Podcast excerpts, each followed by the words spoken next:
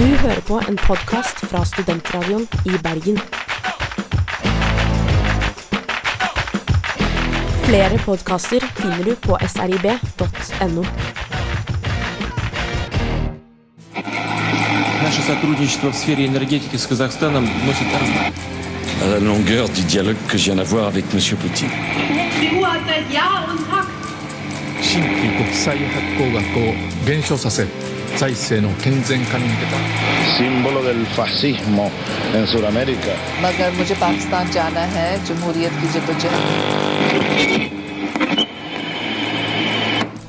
I mange år råda minimale ressurser og minimal økonomi på Island. I 1991 skulle det hele snu. Nå er Island på ny ned i en mørk børgedal, med finanskrise, suspekte politikere og en voksende europaskepsis. Vi skal i dag se nærere på Island. Hva er det som foregår, og hva kan gjøres? I dagens studio er det Magnus Nordahl Røtnes og Fredrikka Gudmundsdottir Støle. Mitt navn er Daniel Gangeskar, og jeg skal lose dere trygt igjennom dagens sending. Nå kommer ukas låt her på Studentradioen i Bergen. 'Honningbarna drep meg'. eh, Brasil, Colombia, Venezuela, eh, Argentina, eh, Chile, Paraguay, eh, Uruguay. Altså i land etter land. Bolivia. Har du lyst til å kunne like mange land som Håkon Børde? Hør på utenriksmagasinet MIR hver fredag fra 11 til 12 på Studentradioen i Bergen. Ja, har du lyst å kunne like mange land som Håkon Børde, så passer det godt at du i dag lytter på utenriksmagasinet MIR. Mitt navn er Daniel, og med meg i studio har jeg Fridrikka og Magnus. I dag skal vi snakke om Island, landet som for bare et par tiår siden hadde anstrengte ressurser, hadde en smal økonomi, og 90% av eksportinntektene kom ifra fiskeriet. Eh, Magnus, nå ser vi på Island, og vi ser en ruvende økonomi. Vi ser et sterkt vestlig land. Det er begynt å gå nedover igjen. Man eh, merker en eh, bottom igjen etter finanskrisa. Eh, Hva er det egentlig som skjedde og gjorde at Island fikk den utviklinga vi nå ser de drar nytte av?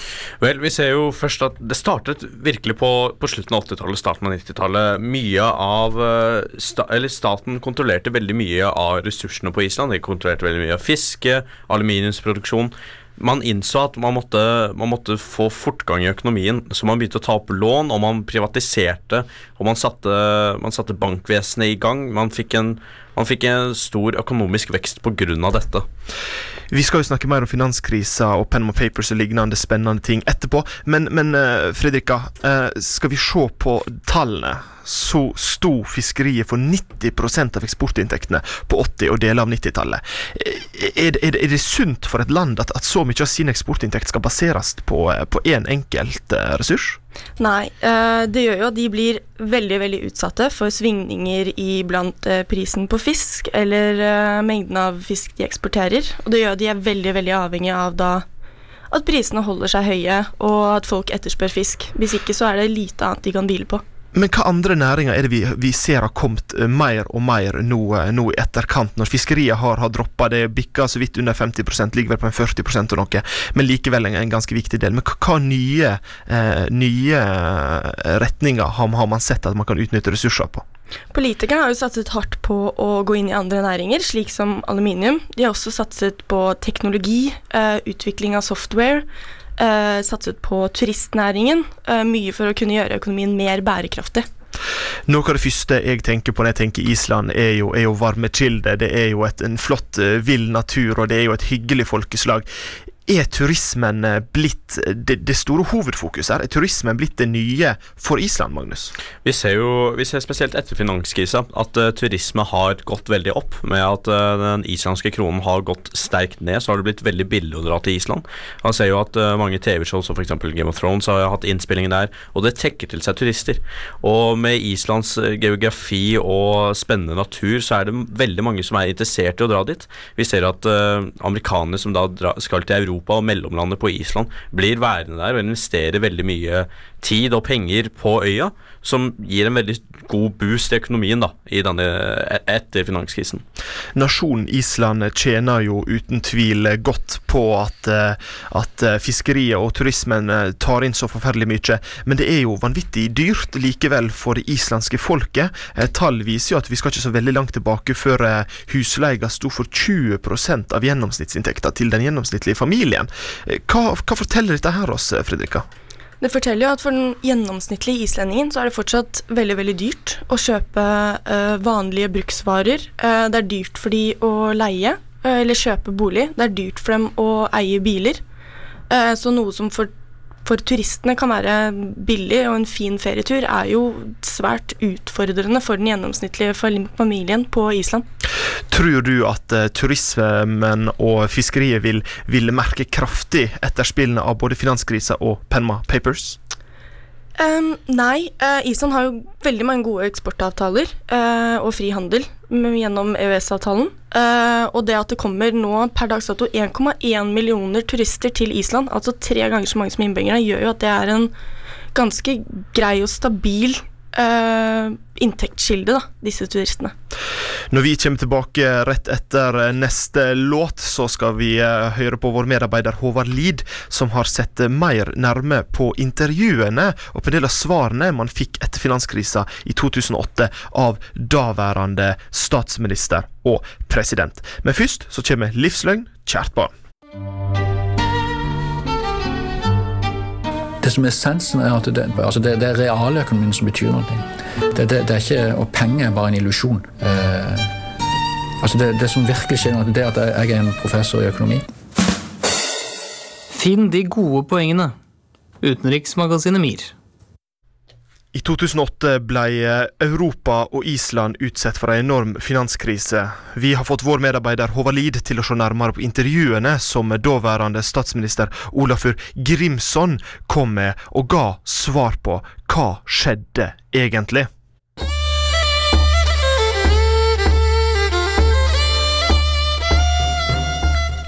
Finanskrisen i 2008 rammet hele Europa hardt. Spesielt hardt rammet det Island. Et lite land med rundt 320 000 innbyggere. I 2008 var den samlede gjelden til bankene på Island tre ganger større enn det årlige nasjonalproduktet. Olafur Grimson, som var statsminister på Island under finanskrisen, valgte en utradisjonell måte å løse krisen på. På spørsmål for hvem som var ansvarlig for den økonomiske kollapsen på Island i 2008, svarer Grimson dette. To some extent, we were all to blame for it, especially those of us who had been involved for a long time in political affairs, uh, in the business side of our economy, and even the uh, prevailing spirit of the times. Uh, as you know, uh, the theory came out of uh, America and Britain in the uh, 70s and the 80s that the more you deregulated, uh, the more freedom you gave to the financial markets, uh, the more you privatized, everybody would be prosperous, everybody would be happy. And this was an ideology which was presented as economic science.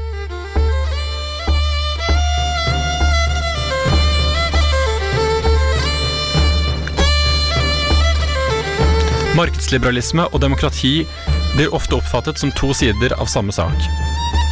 Vestlig demokrati har også frie markeder uten sentralstyring fra regjeringen.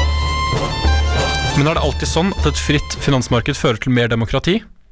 Well, this is a very important point because uh, the uh, the main pillar, perhaps, uh, of uh, this financial uh, ideology that has been called the Western consensus, and you mentioned in the beginning, has been that financial markets and democracy would always go hand in hand. They would always move forward in in a harmony. There would never be an inherent conflict. And this then developed also from the Thatcher and the Reagan years into a notion that of the fundamental parts of our societies, the market was supreme. Grimson forteller at ideen om at marked og demokrati går hånd i hånd, var en idé som ble manifestert på 80-tallet med Margaret Thatcher og Ronald Reagan. I dette tankesettet så ble det sett på som om markedet gikk over alle andre verdier. And Iceland was a very interesting testing case for this theory because it is difficult to find a country which is more peaceful, more secure, with a democratic tradition ranging back to a parliament which was established 1,000 years ago. Uh, a few months after the banks had collapsed, this solid, strong democratic tradition was fundamentally threatened. There were riots in the streets, the police had to defend the parliament day and night, eh, had to prevent uh, the crowd from taking over the central bank. We had almost a revolutionary situation. De fleste europeiske land valgte å legge regningen fra finanskrisen over på skattebetalerne. Dette var noe Island lot være å gjøre. Hvordan var det de behandlet krisen? We had the so-called I-SAVE agreement. And this agreement, which was forced on us uh, by a pressure um, executed by almost every government in Europe, meant that ordinary people of Iceland, farmers, fishermen, teachers, nurses, would have to pay through their taxes for decades for the failure of the private banks. So I came to these crossroads. Should I let people decide or just surrender to these uh, threats? And every government in Europe had the opinion you should not allow the people to decide. That if I had a referendum, it was not only wrong, it was fundamentally dangerous. And people were saying I would isolate Iceland for decades, we would become a pariah state, uh, and many other th- things. But my view was this when I had, had analyzed this issue in its complex way, there was a very simple truth at the bottom, and that was the choice what is more important? Democracy, the will of the people, or the interest of the financial market?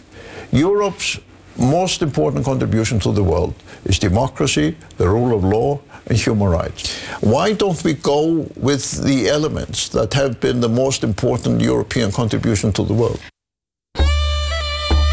Grimson mente at Europas viktigste bidrag til verden ikke var finansmarkedet, men demokratiet. Han valgte derfor en demokratisk løsning på finanskrisen istedenfor å kjøpe ut bankene, slik andre europeiske land gjorde. Kanskje var dette en måte å løse finanskrisen på som også flere europeiske land burde valgt.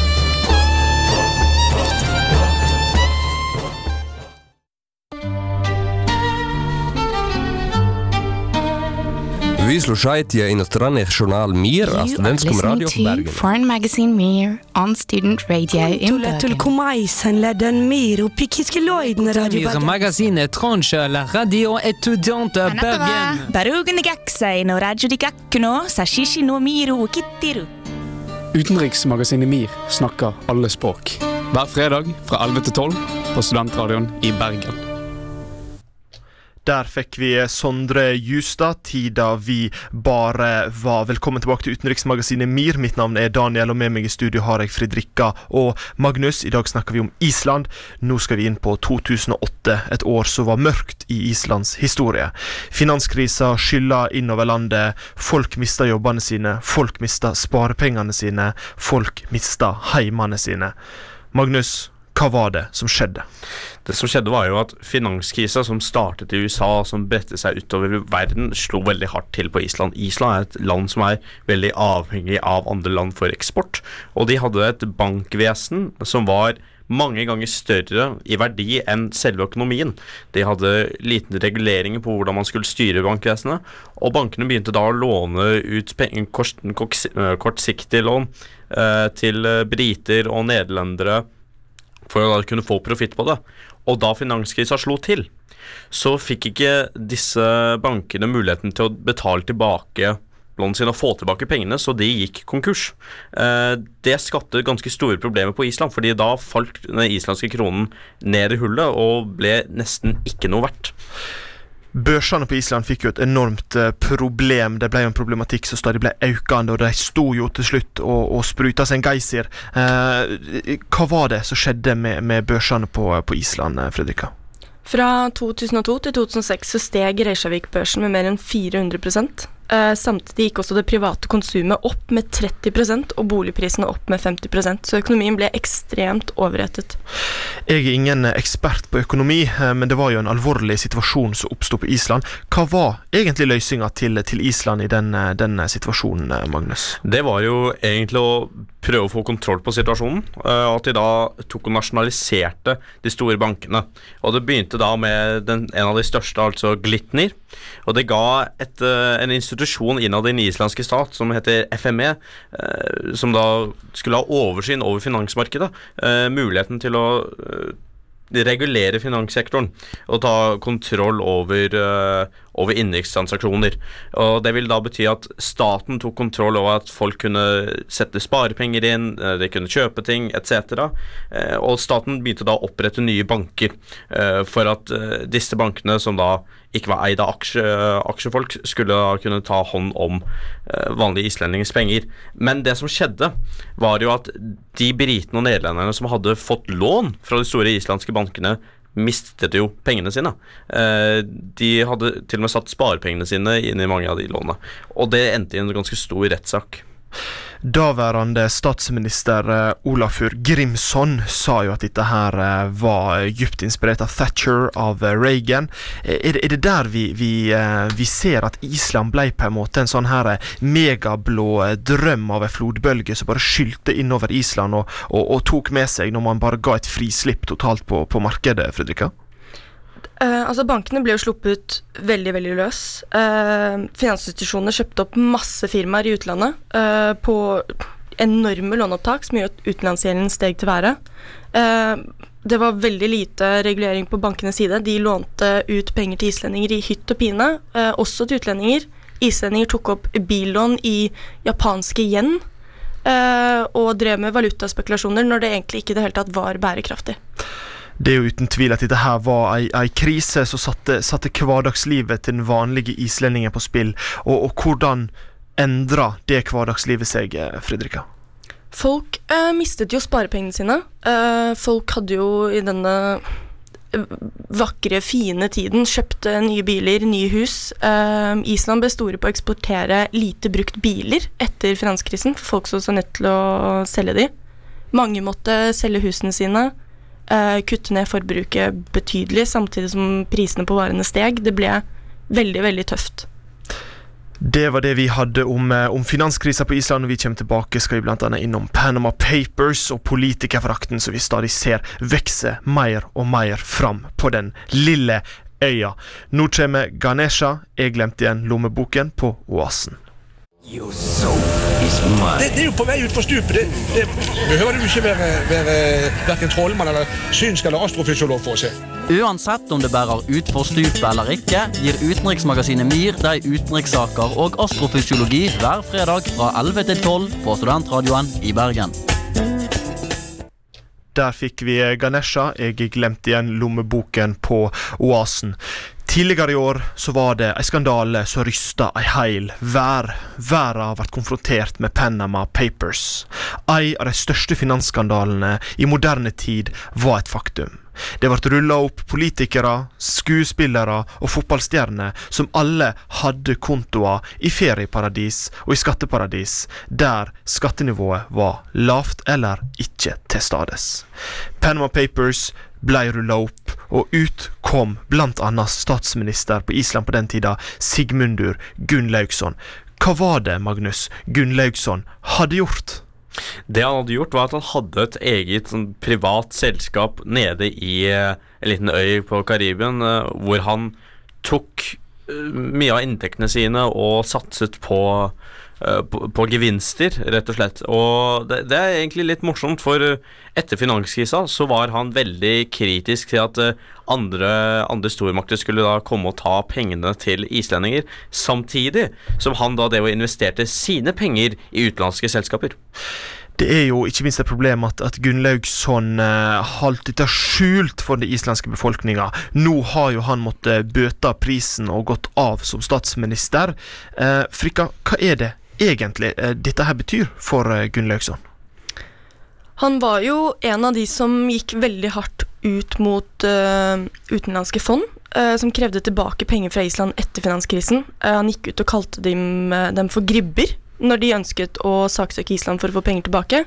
Samtidig som det da ble rulla opp at han hadde denne kontoen i utlandet, og også krevde penger tilbake fra de islandske bankene som eh, gikk konkurs. Statsministeren eh, gikk jo til presidenten og ville bl.a. ha et eh, omval i, i, tidligere i år for å, å kunne få ro blant befolkninga, for det ble jo store oppstandelser selvfølgelig når dette her ble rulla opp. Presidenten sa nei.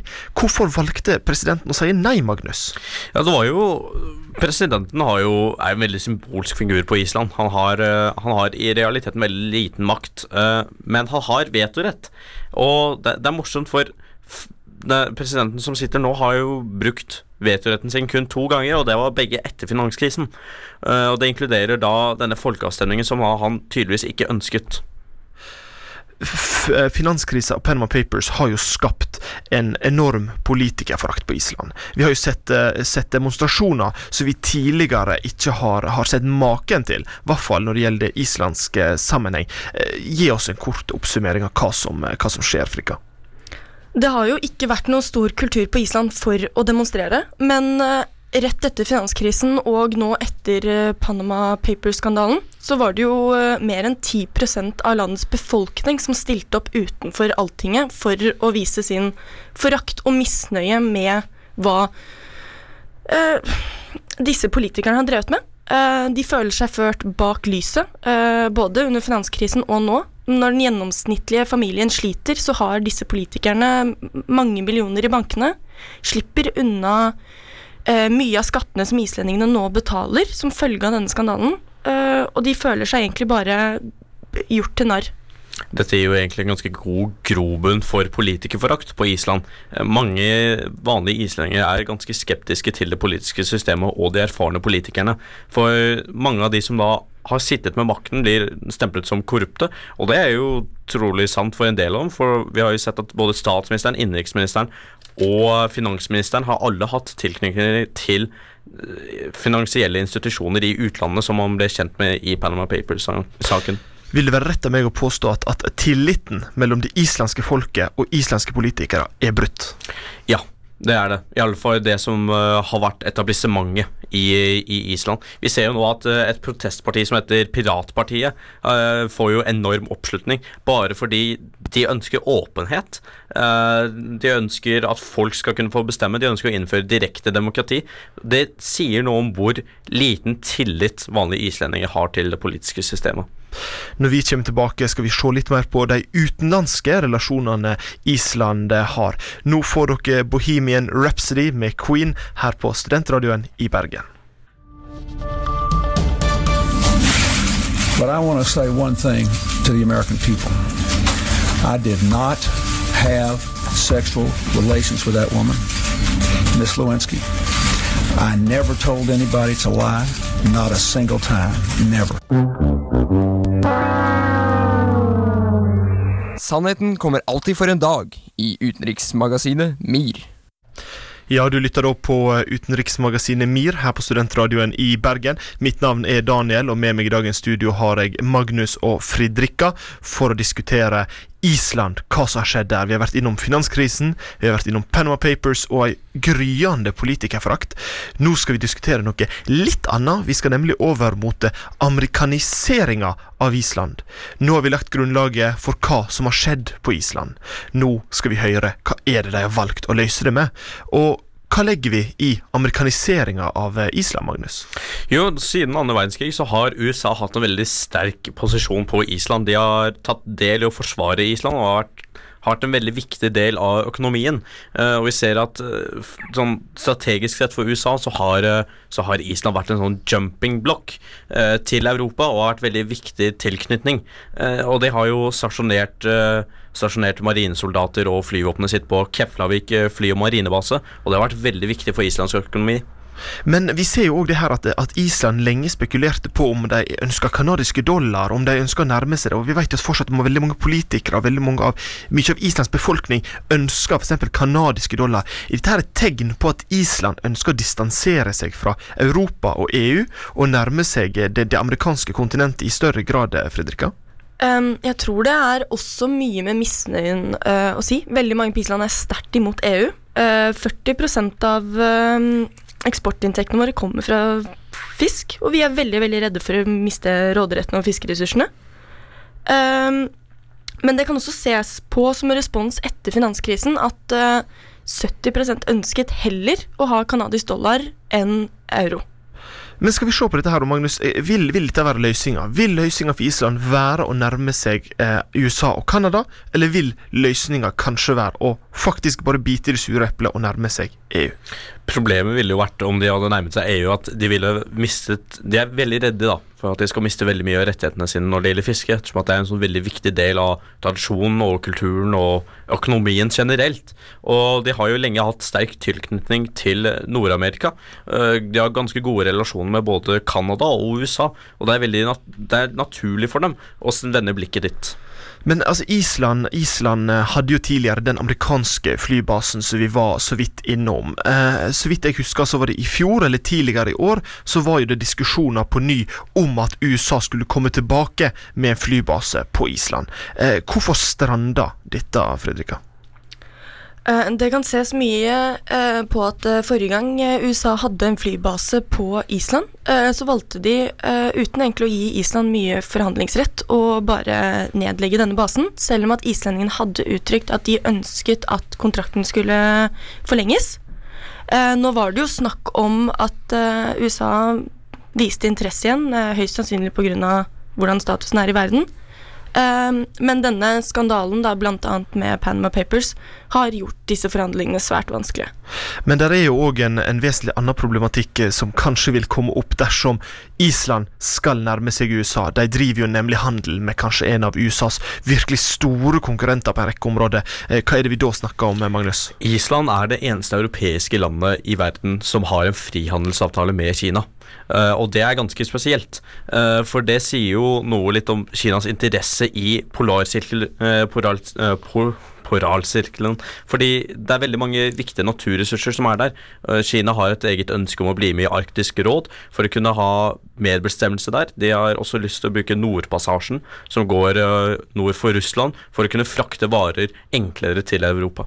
Men dersom dette her blir et enten-eller-spørsmål om Island skal nærme seg USA og Canada, om de skal nærme seg EU, eller om de skal nærme seg Kina, hva vil være det beste for Islands del, tror du, Fredrika? Um, jeg tror det kommer veldig veldig an på hvordan uh, landet nå bygger seg opp de neste årene. Uh, Island er svært avhengig av bl.a. Nato for beskyttelse. Uh, Island er medlem i EØS, som gir dem frihandel med Europa. Så jeg tror det kommer veldig veldig an på hva selve befolkningen ønsker. Om de er villige til å gi slipp på litt av den fiskerettigheten, eller om de helst vil søke trygghet i EU. Når vi kommer tilbake, skal vi, høre, for, vi, skal vi få høre vekas kommentar laga av våre medarbeidere Truls Moltubakk. Før den tid så skal vi få høre Jakob Ogava, 'You Will Be On My Mind'. Hva er hovedstaden i USA? Amerika? New York. Det er jo hovedstaden, er det ikke det? I USA. Det er helt feil. Det er ingen hovedstad i USA. Hvorfor ikke det? Fordi de har stater. forskjellige stater. Vil du lære mer om verden rundt deg? Hør på utenriksmagasinet MIR.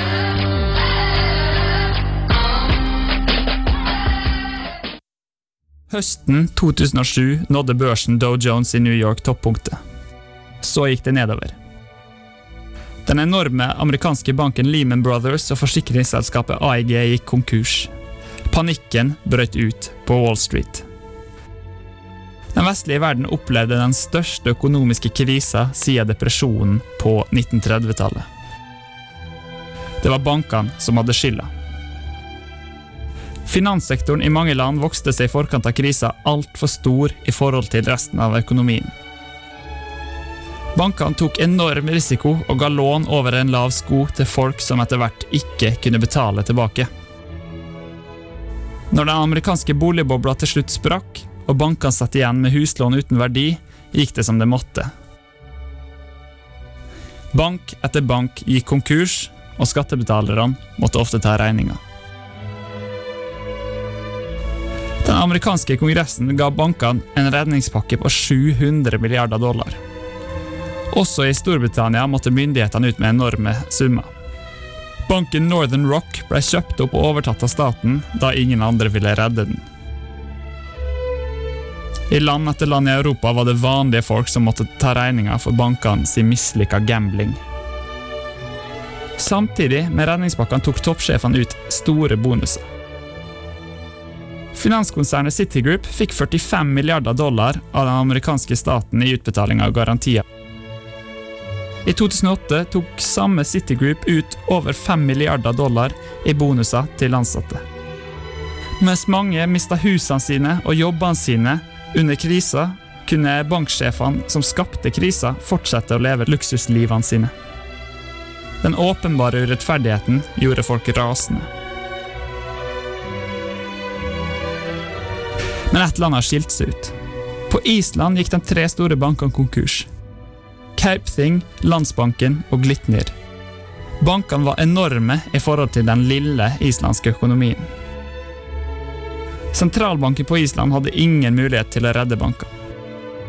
Mens skattebetalerne i andre land måtte legge ut, var det aksjeeierne og utenlandske kreditorer som måtte ta regninga når de islandske bankene sine verdier ble stykka opp og solgt unna. Selvfølgelig var krisa tøff for islendingene. Arbeidsledigheten økte, levestandarden sank. Den islandske krona var nesten ikke verdt noe, og mange islendinger forlot hjemlandet for å finne jobb andre steder. Men Island turte å ta tapene og rydde opp etterpå. I stedet for å redde banker som hadde knust økonomien, fikk toppsjefene i Glitner Kauting og Landsbanken 18 måneder hver i fengsel. Island har bygd en ny økonomi, mindre avhengig av finanssektoren. Turismen i landet har skutt i været. Økonomien har vokst stabilt, og arbeidsledigheten har sunket. Islendingene er ikke ferdig med å rydde opp enda. Avsløringene i Panama Papers førte til at eh, statsminister Sigmundur Gunnlaugsson måtte gå av i vår. Oppgjøret med elitene som kjørte landets økonomi i grøfta på jakta til egen vinning, er ikke over. Men det islandske folket sin reaksjon gir håp. Når islendingene kaster råtne egg og skyr på parlamentet sitt, er det et sunnhetstegn for demokratiet. Folket lar ikke maktelita slippe unna med bedraget sitt. Ut av kaoset på Island vil et bedre og åpnere demokrati komme. Det er likegyldigheten til velgerne i andre land vi burde bekymre oss for. Velgere som gang på gang trekker på skuldrene når det avsløres at deres politiske ledere er kjøpt og betalt av de store selskapene. Som gang på gang trekker på skuldrene når det avsløres at de rikeste gjemmer pengene sine i skatteparadiser i stedet for å bidra som alle andre. Velgere som trekker på skuldrene og tenker sånn er det vel bare.